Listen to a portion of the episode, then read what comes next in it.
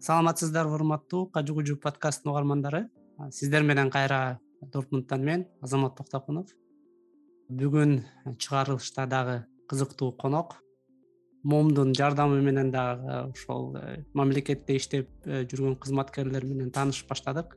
Өткөндө медер рахман менен сүйлөштүк элек. Анан ошол медер рахмандын дагы коллегасы экен балким дагы кененирээк айтып берет. Конокто шаршенов марлис мырза марлис мырза саламатсызбы кош келиңиз саламатчылык азамат мырза таанышканга өтө кубанычтамын мындан ары дагы тыгыз иштерди алып барабыз. Азыр эми мындай аралыктын алыстыгынан эми жанагы эки миң жыйырмадан баштадык видео конференция. Ушул жанагы бир оң жагын айтып кетсек болот. Бул пандемия башталгандан баштап күч алып атат да биз дагы ошол форматта өтүп атабыз. Өзүмдү мындай кыскача таанышып кетсем э, менин атым шаршеев марлис каныбекович кыргыз республикасынын тышкы иштер министрлигинин алдындагы караштуу тышкы миграция департаментинин бөлүм башчысымын бөлүмдүн аталышы диаспоралар менен жана мекендештер менен иштөө бөлүмү болуп эсептелет. Негизи биз өзүңөр билгендей мурун мамлекеттик миграция кызматы болчубуз азыр эки миң жыйырмадан жыйырма бирден бери реорганизация болуп азыр ошо мамлекеттик миграция кызматы тышкы иштер министрлигинин карамына өткөн функциялар менен. Андан кийин экинчи этапты айтып кетсем азыр э, тышкы миграция департаментинин дагы бир бөлүгү кыргыз республикасынын социалдык өнүктүрүү эмгек э, жана миграция министрлигине өтүп кеткен биздин кээ бир функциялар ошол жака өттү. Чет элдик жарандарды жумушка алуу кайрылмаңдар качкындар менен иштөө бөлүмдөрү ошол жака кетти десек болот да тышкы миграция саясаты ушул тышкы иштер министрлигинин карамына өткөн. Биздин э, департаментте эки бөлүм бар профилдик эки бөлүм бар десек болот бул биздин мекендештер менен кызыкчылыктан коргоо жаатында иштер алып барышат коргоо жана саясат жүргүзүү бөлүмү жана менин э, мен жетектеген бөлүм бул миграция э, иштөө бөлүмү болуп эсептелинет. Бул бөлүмдүн түптөлүшүн айтсак бул эки миң он сегизинчи жылдан бери түптөлгөн бир сектор болуп келген мамлекеттик кызмат ичинде мамлекеттик миграция кызматынын алдындагы андан кийин реорганизациядан кийин айтып өткөндөй э, бөлүм болуп өзүнчө диаспоралар жана мекендештер менен иштөө бөлүмү болуп иштерди алып барып атабыз өзүңөр билгендей эле азыр биздин чет жака да миллиондон ашык биздин мекендештер эмгек миграциясында жүрөт андан башка башка максаттар менен да чыккандар бар бул окуу кызматтык э, максаттар менен жүргөн биздин мекендештер көп. Негизи маалыматтар ушундай.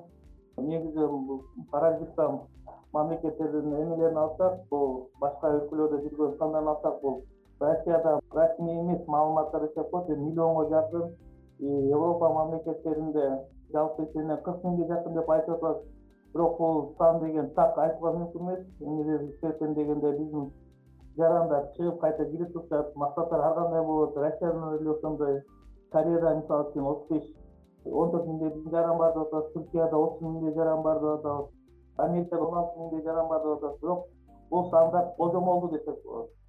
Негизи диаспора уюмдарын алсак биздин маалыматтар боюнча эми азыр иш алып деп атабыз мурун база бар болчу бизде. Түзүлгөн база бар болчу анда алсак диаспора уюмдары жана коомдук уюмдар гимнастика деп коет жердештиктер деп которуп коебуз жердештиктер булар бизде россия федерациясын алсак жүз отуздан ашуун болуп келген э, россияда эми көп жарандар жүрөт.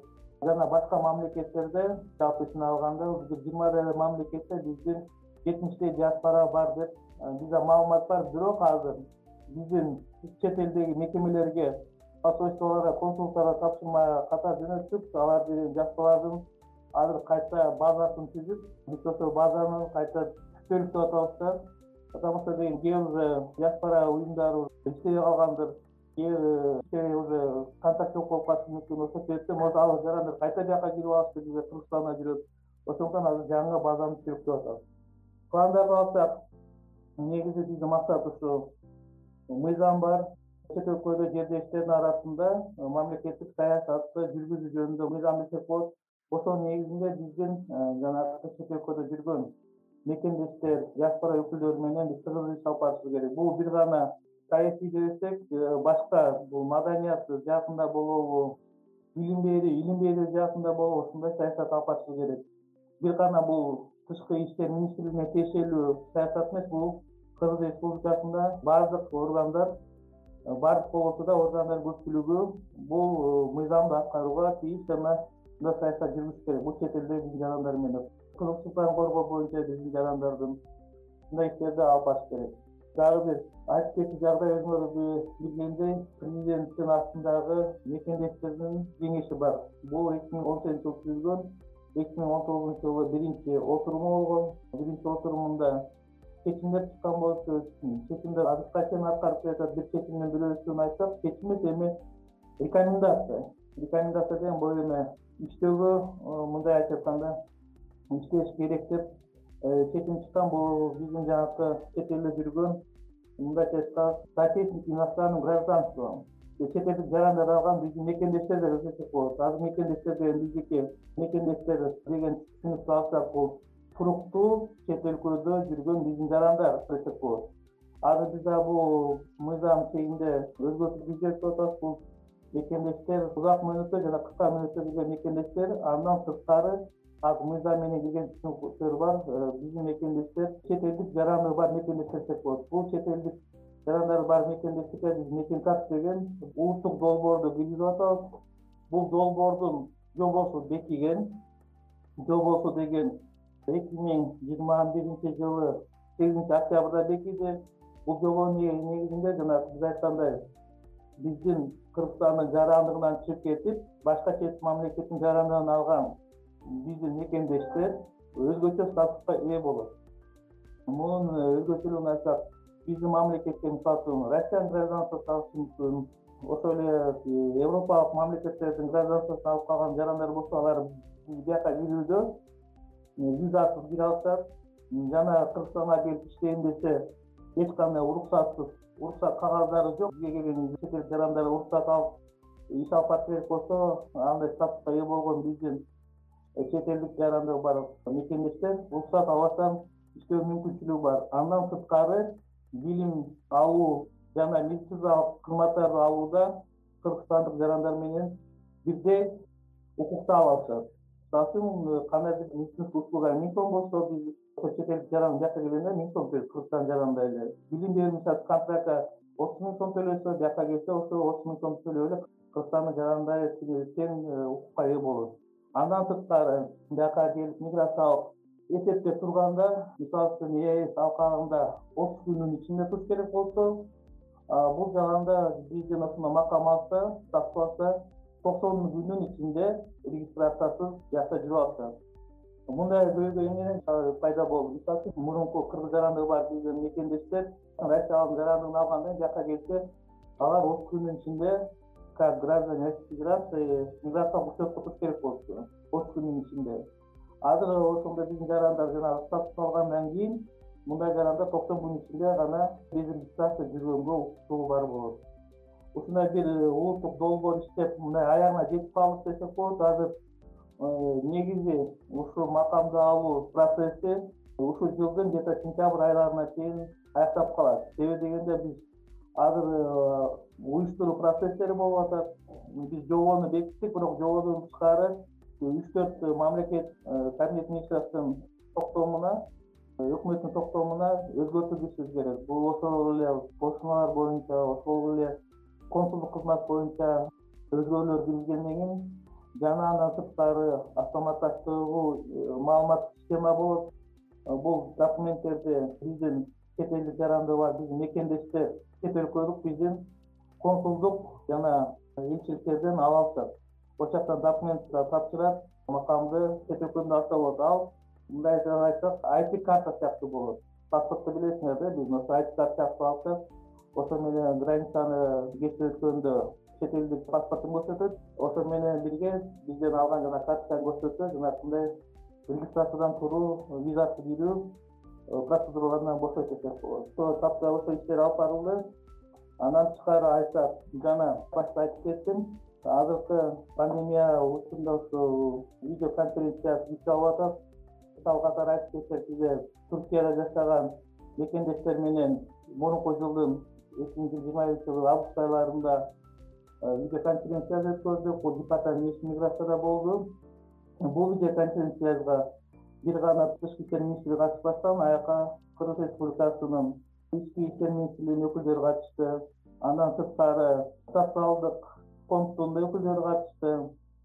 Саламаттыкты сактоо министрлигинин өкүлдөрү катышып биздин мекендештер өздөрүнүн жанагындай ар тараптуу суроолор болот экен бир гана тышкы иштер министрлигине тиешелүү эмес ар тараптуу суроолорго тийиштүү компетенттүү мамлекеттик органдардын өкүлдөрү жоопту айтып ошо маалымат берип андан сырткары эки миң жыйырма биринчи жылдын сентябрь айларында министрдин катышуусу менен россия федерациясындагы москва аркылуу москва москва областындагы жаштылар менен э, видеоконференция болду. Андан сырткары э, екатеринбург жана новосибирск ген консулдугунун көмөктөшүүсү менен сибирь федералдык округу уральский федералдык округу менен түштөн биздин жарандар менен жана диаспора өкүлдөрү менен түздөн түз министрдин катышуусу менен жана тышкы иштер министрлигинин э, тиешелүү департаменттеринин жана тышкы миграция департаментинин өкүлдөрү менен өткөздү бул видеоконференцияда айтсак ошо биздин эмгектенип жүргөн биздин жарандар жаштар өкүлдөрү өзүнө тиешелүү көйгөйлүү суроолорду берип ошо көйгөйлүү суроолорго жооп алышты. Мындай видеоконференция азыр дагы пландаштырылууда азыр пландап жатабыз февраль айында казакстан республикасында биздин мекендештер менен андан кийин айтып кеткендей европа көлөмүндө жүргөн биздин мекендештер менен америка кошмо штатында өткөн мекендештер менен министрдин катышуусу менен видеоконференция болушу пландалууда кыскача айтсак андан тышкары дагы бир иш чара өткөн болчу бул мамлекеттик ипотекалык компаниянын өкүлдөрү дагы биздин жанагы жаштар өкүлдөрү менен жанагы ипотекалык каржылоо менен батирлерди алуу боюнча үйлөрдү алуу боюнча ошо видеоконференциясы уюштуруп бердик. Алар дагы өзүлөрүнө тиешелүү суроолорду алды. Кантип кандай алса болот андан сырткары ошо биз пландаштырып атабыз. Башка тармактар боюнча дагы азыр планга дагы киргизебиз жана жаңы өкмөттүн министрлер кабинетинин токтомдору чыкты. Кыргыз жарандыгын боюнча токтомдор чыкты. Ошону мындайча айтканда кыргыз жарандыгын популяризациялоо боюнча десек болот экен. Русский маданияттык тарапта да иштерди алып баруу боюнча концепция иштеп чыгабыз ошонун ичинде тышкы иштер министрлигине тиешелүү иш чаралар бар. Чет элдеги биздин жарандар менен чогуу өткөрүшчү ар кандай ярмаркаларды өткөрүү ошол иш чараларды биз буюрса пландаштырып жатабыз. Эки миң жыйырма экиде биздин жаштар өкүлдөрү менен жанагы маданий иш чараларды экономикалык иш чараларды чет өлкөлөрдө өткөрүүгө кандай суроо болсо мен жооп берүүгө даярмын чоң рахмат марлис мырза баарын төкпөй чачпай башынан бери по полочкам айтып бердиңиз кандай иш чаралар көрүлүп атат кандай иш чаралар болуп атат мунун баарын биз дагы шашпай угуп шилтемелерди таап ылдый жагына бекитип коебуз анан биздин угуучулар да көрүп байкасын ага көрсө ушундай көп иштер болуп атыптыр. Анткени бизде баягы көнүмүш адат болуп калган сыяктуубу мамлекет өзүнчө иштерди жазып атат а диаспоралар э, элдер болсо өзүнүн иши менен өзүнчө жүрүп эки бөлөк сыяктуу да. Бири бирибизди паспортталарды эле барып визаларды эле барып учурашпасак бирок чындап айтканда көп эле иштер э, болуп атыптыр. Анан ошол посольстводан консулдуктан атынан дагы ар кандай иш чаралар болуп турат. Менин оюмча ошол э, россия мамлекетинде көп э, мекендештер болгондуктан ал жакта көп иштер болуп көбүрөөк көрүнөт окшойт. Анан сиздер айткандай ошол планда болсо европа менен дагы мындай кызматташып америка менен кызматташып өзүңүз айткандай ошол пандемия убагында баары онлайн өтүп кетип онлайн дагы көп иштер жүрүп атат. Анан пандемия убагында да көп жардамдар болуп атты. Жакшы экен пландарыңыз чындап эле даже кандай суроо береримди билбей калдым анткени чындап эле көп нерсени айттыңыз. Дагы кандай э, инициативалар сиздерде бар же болуп атат? Мисалы өткөндө медер рахман айтты эле ушундай консулдарга или посольствого адамдар жетишпейт.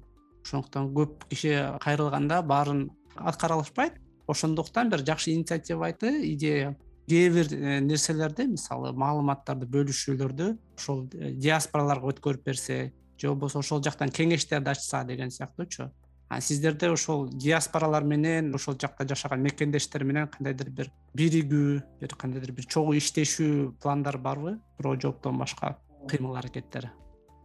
Ооба бул бар бизде андай ойлор бар. Бир гана жанакындай иш чараларды өткөрбөстөн диаспора өкүлдөрү менен жанагы жер жерлерде мисалы айтсак ошол эле кайта эле россияга мисалы мисал айтып кетсек. Россияда биздин диаспора өкүлдөрү мисалы үчүн биздин эмгектен жүргөн мекендештер менен түшүндүрүү иштерин жүргүзөт мындайча айтсак өзүңөр билип атасыңар азыр массалык каражаттар аркылуу жанакындай ар кандай окуялар болуп жатат. Ошол окуяларды болтурбоо үчүн жанакындай биздин иштеп жүргөн мекендештер менен өзүңөр билесиңер бизде жанакындай миллиондой мекендештер жүрсө эми алардын баары менен түшүндүрүү иш э, жүргүзүү алар менен ар кайсы мамлекеттерде мындайча айтканда ар кайсы жерлерде кызыкчыларды коргоо болгондо деле кээ бир учурларда биздин э, элчиликтердин дагы консулдук бөлүмдөрүндө канцелярияларда мындайча айтсак мүмкүнчүлүгү жок болуп калат кызматкерлердин аздыгына байланыштуу кээ учурларда ошо биздин диаспора өкүлдөрү ушундай э, убакыт болуп калганда мисалы үчүн түшүндүрүү иштери жүргүзүү болгондо жарандар менен чогуу өткөрүп ушундай иштерди болтурбоо жанагы терс иштерди болтурбоо боюнча түшүндүрүү иштерин жүргүзөт десек болот россияда жанагы миграциялык мыйзамдарды өзгөрүүлөр жатат ошолор боюнча түшүндүрүү иштерин жүргүзөт э, легалдуу жүрүү боюнча иштерди жүргүзөт э, жанагы адаптация деп коебуз э жаңы барганда кишилер билбейт кайсы мамлекет болот алардын каада салттарын билбейт миграциялык саясатын билбейт мыйзамдарын билбейт ошондуктан биздин диаспора өкүлдөрү биздин э, чет жакта иштеп жүргөн мекендештер менен жүргүзөт десек болот. Бул өтө чоң иш. Кээ бир учурларда жанакындай айтып кетчү нерсе биздин жарандар өтүп кетип атат десек болот жакшы кырсыктар болот ар кандай. Маркумдардын сөөгүн жөнөтүүдө э, жардам берип жатышат көмөктөшөт. Азыр эми жаңы жүк экизүү жөнөтүү боюнча президенттин жарлыгы чыккан. Эки миң жыйырма биринчи жылы ошонун жарлыктын негизинде өкмөттүн токтому ишке түшүп азыр ар бир мамлекетте жанакындай кырсык болсо жарандын сөөгүн алып келүү үчүн ар бир мамлекетте өзүнчө акча төлөнүп келет мындан мурун деген мындай жок болчу муну кайсы мамлекеттен болбосо да элүү миң сомдон төлөнчү азыр андай жок. Ар бир мамлекеттен чыгымдарына жараша ар бир мамлекеттин өзүнүн тарифи бар. Мисалы үчүн россияда жетимиш миң сексен миң башка мамлекеттерде көбүрөөк ошондуктан азыр мамлекет ушул чыгымдарды бүт мойнуна алып чыгымдар боюнча биздин жердештер биздин э, чет элдик мекемелерге кайрылса болот.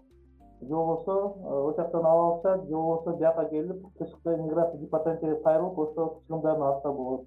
Бул бир жакшы нерсе ошо жанакы башта эмне сөз болуп кетти биздин диаспора өкүлдөрү да ушудан мурун жүк экизүүнү жөнөтүүгө да жардам берчү акча чогултуп берчү биздин жарандарга эми азыр деле жардам берип атышат. Азыр жанагы документ документ текшерилүү жанагы уюштуруучулор боюнча биздин мекендештер ошо диаспора өкүлдөрү да азыр жардам берип атат ушундай жумуштар боюнча. Мунун баары мамлекеттик органдарга да өтө чоң жардам. Диаспора өкүлдөрү өтө чоң жардам көрсөтүп жатат диаспора өкүлдөрүн жанагы бизде мурун миграция кызматында коомдук өкүлдөр бар болчу россия федерациясында.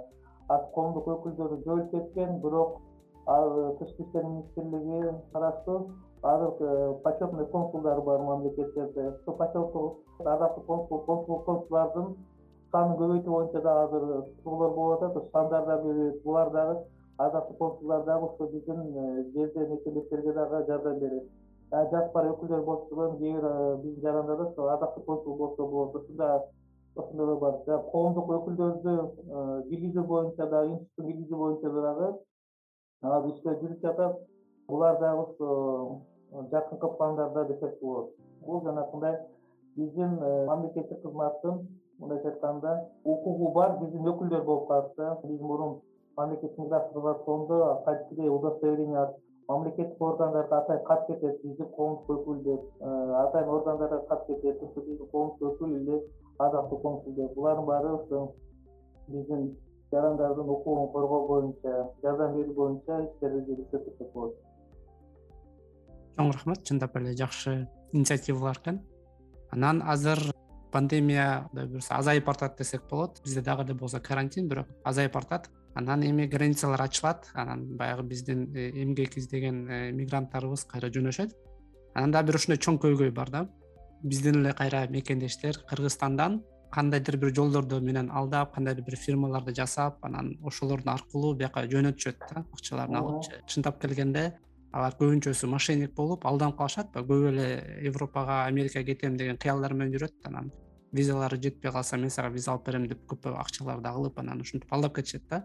Анан сиз жана жакшы нерсени айттыңыз турцияда конференция болгондо ички иштер министрлери катышкан депчи. Мындайча айтканда ошол уюмдарды ошол фирмаларды адрестерин аттарын жазып мисалы ушундай ушундай алдап атышат ушинтип атышат деп сиздерге жөнөтсө сиздер аларды чогултуп туруп ички иштер министрлиине жеткирип койсоңор алар барып анан баштарын жоготот ушундай иштейби?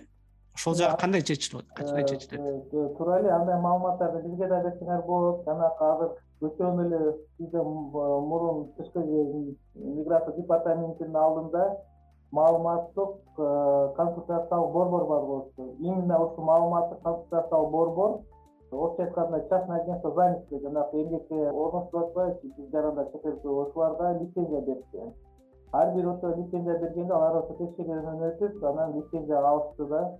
Ошол лицензиянын менин билишимче жүз он жети официалдуу лицензиясы бар.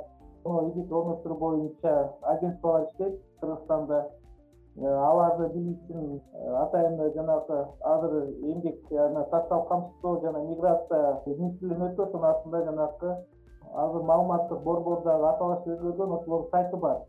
Ошол сайтына кирсе ала жанагы агентстволордун бүт списогу бар. Кайсы агентствосунун лицензиясы бар кимдер кайсы направлениеде иштеп атат. Ошол агенттиктерге кайрылып кеткенде ошо лицензиясыга бар агенттикке кайрылыш керек. Лицензиясы жок болсо уже кооптуу бул. Азыр өзүңүз айткандай көп э, жанагы бирикүүндү ачкылап алып ар кандай тиги акчаларды алып мындайча айтканда алдап кетүү фактылары көп болуп атат. Газды чет өлкөгө жөнөтүп ошол жакта чет өлкөдө уксуз калганда биз жарандар э, андай фактылар да болуп атат. Андай фактылар болсо азыр кылмыш жаза кодексине жаңы өзгөртүүлөр киргизилген. Менин билишимче ушу сентябрь айларынан кирди го дейм күчүнө кирди бул это азыр деген бул кылмыш кесиптен незаконная миграция деп э, биздин жарандарды жөнөтүп биздин жарандар жанакы мындай оор абалдарда калып атса значит андай агентстволордун ичинен кылмыш иши козголот. Азыр мурун административдик иш болчу азыр кылмыш иши козголот мындай фактылар боюнча бизге кайрылсаңар биз укук коргоо органдарына беребиз. Бул кылмыш жасоо менен ачкан фирмалар болсо лицензиясы жок болсо жанагы э, ички иштер министрлиги тарабынан текшерүүгө алынат мыйзамга ылайык кылмыш жазасын бул э, агенттиктер алат. Туура бул бизде ушундай фактылар жок болгон. Турция мамлекетинен болгон россия мамлекетинде болгон жөнөтүлүшүп элдер жанакындай көчөдө калып калган учурлар болгон. Фактылар келип биздин жанагы алдында маалыматтык консультация борбор бул фактылардын баарын алып туруп ошо ички иштер министрлигине өткөрүп берген анан ары ички иштер министрлиги ошо агенттиктин үстүнөн жанагы иштерди алып башат мындайча айтканда кылмыш иши козголот булардын үстүнөн. Чоң рахмат. Жана биригүү суроосуна кайра кайтып келсек мурда роза отунбаева президент болуп бүткөндөн кийин окшойт. Роза отунбаева фонду мекендештер деген форум өткөрчү ал жактан ошол дүйнө жүзүндөгү мекендештерди ичтип келип анан баягы бири бирине коммуникация биригүү э, байланышуу иш болчу да. Анан азыр өзүңүз айткандай баары видео менен оңой болуп калды бирок айткандай сиз э, сиздер турция менен иштешип бир аз э, россия менен иштешип анан неме барбы? Бир идея же концепция ушул кайрадан мисалы ошол эле мекендештерди жаратуу. Менин билишимче ошол роза отунбаева өзүнүн форумун мамлекетке өткөрүп берген мамлекетке өткөрсүн деп асалга кетип. Бирок андан бери эч кандай мындай чоң э, мекендештерди бириктирүүчү площадка жок да. Ар ким өзүнчө өзүнүн иштерин жасап жүргөндөй да.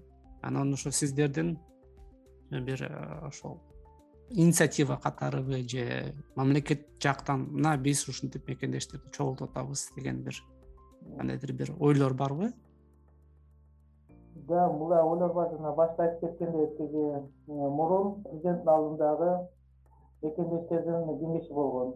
Совет по вопросам соотечественников бул мекендештер азыркыга чейин бул совет бар бирок бул советтин азыр форматы э, өзгөрүлүүдө деп э, азыр бүтүп жатабыз бул формат азыр чечилип жатат азыр үч кеңеш бар бул президент алдындагы кеңеш төраганын астындагы кеңеш жана өкмөттүн алдындагы кеңеш бар мекендештердин ушул кеңешти бириктирүү боюнча азыр э, жемилгелер бар. Э, негизинен ошо үч кеңештен биригет жана э, үч кеңештин мындайча айтканда курамы да өзгөрөт жоболор да өзгөрөт ушул форматтарда мындайча айтканда өзгөрүүлөр киргизет ошондуктан азыр ушунун үстүнөн иштер жүрүп жатат.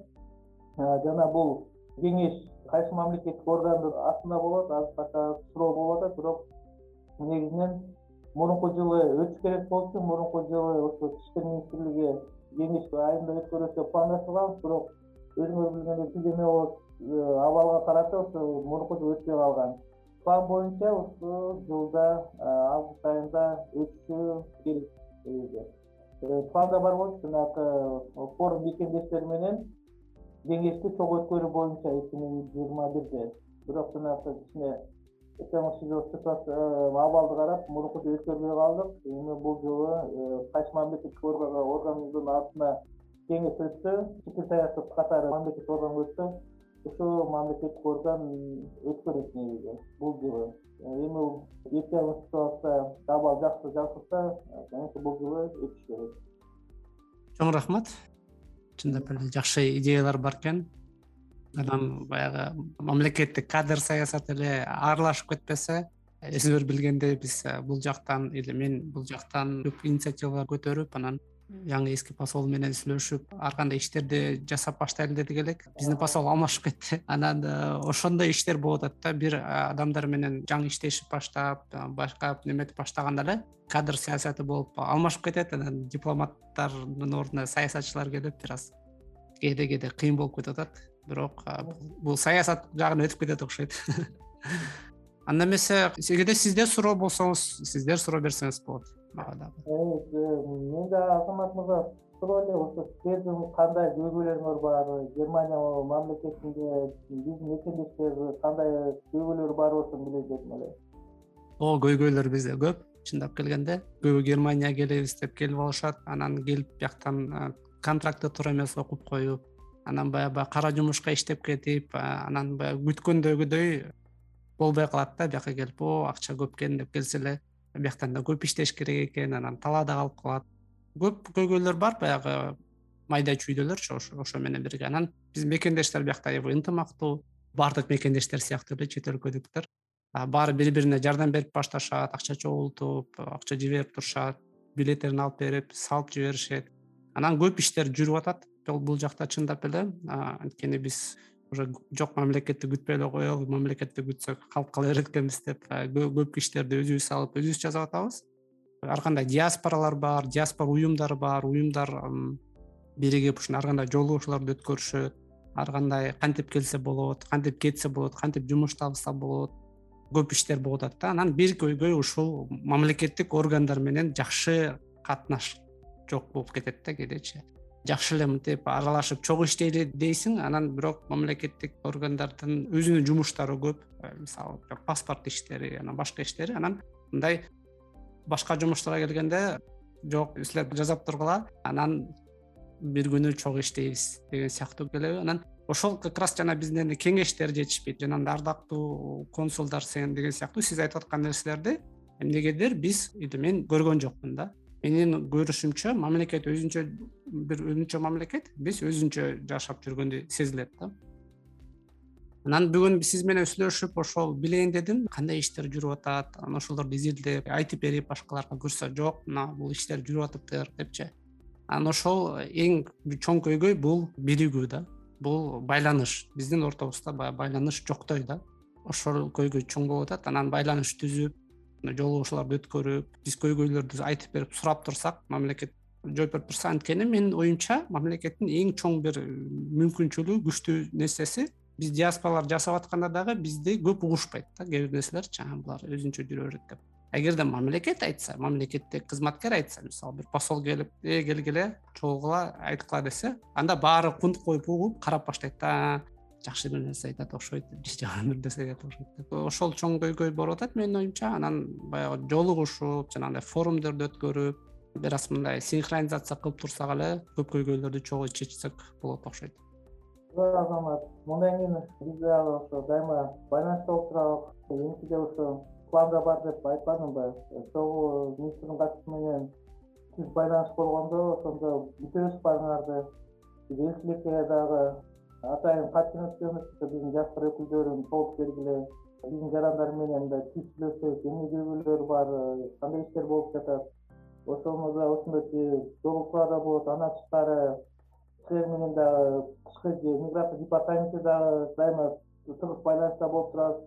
Көйгөйлөрүңөр болсо бизге чыгып турасыңар телефондор бар биз биз менен дайыма байланышта болсоңор болот. Жана мен дагы колдойм негизи ошо чет элде жүргөн соң диаспоранын баары мындай бир болсо бири менен байланышта болсо бизге да жакшы биздин чет өлкөдө жүргөн биз мекендештер үчүн да жакшы. Тыгыз байланыш болгон айтып атпаймынбы көп э, жардам көрсөткүлөр биздин диаспора мисалга айтып кетсем ошо жана пандемия учурунда кандай жардам көрсөттүңүздөр аябай чоң жардам көрсөтүп мен мисалы үчүн өзүм ошол маалда россия федерациясында болчумун биздин диаспора өкүлдөрү тамагын чейин алып берип атты. Турак жайыбыз актыларын төлөп берип атты диаспора өкүлдөрү биздин жарандарга өтө чоң жардам көрсөтүштү европадан дагы менин билишимче ошондой иштер болуп жатты. Ийин э, жолдоруна төлөп бергенге да жардам берип атышты. Кайта кыргызстанга келгенде. Мындай иштер өтө чоң жана айтып айткандай аябай керектүү иштер жасалып жатат. Өзүмдүн атыман дагы айтып кете элем ошо диаспора өкүлдөрүнө рахмат. Ушундай ишти аткарып жаткандыгына биргеликте дайыма бир иш иш кылабыз байланышта болуп турабыз жана башта айтып кеткендей дагы биз республиктерге дагы жаңы план диаспоранын иштөө боюнча дагы пландар дагы жөнөтүлөт бияктан ошонун негизинде дагы жер жерлерде иштер дагы алып барылат чоң рахмат ооба сүйлөштүк. Араз жакшы жакшы сүйлөшүп алдык.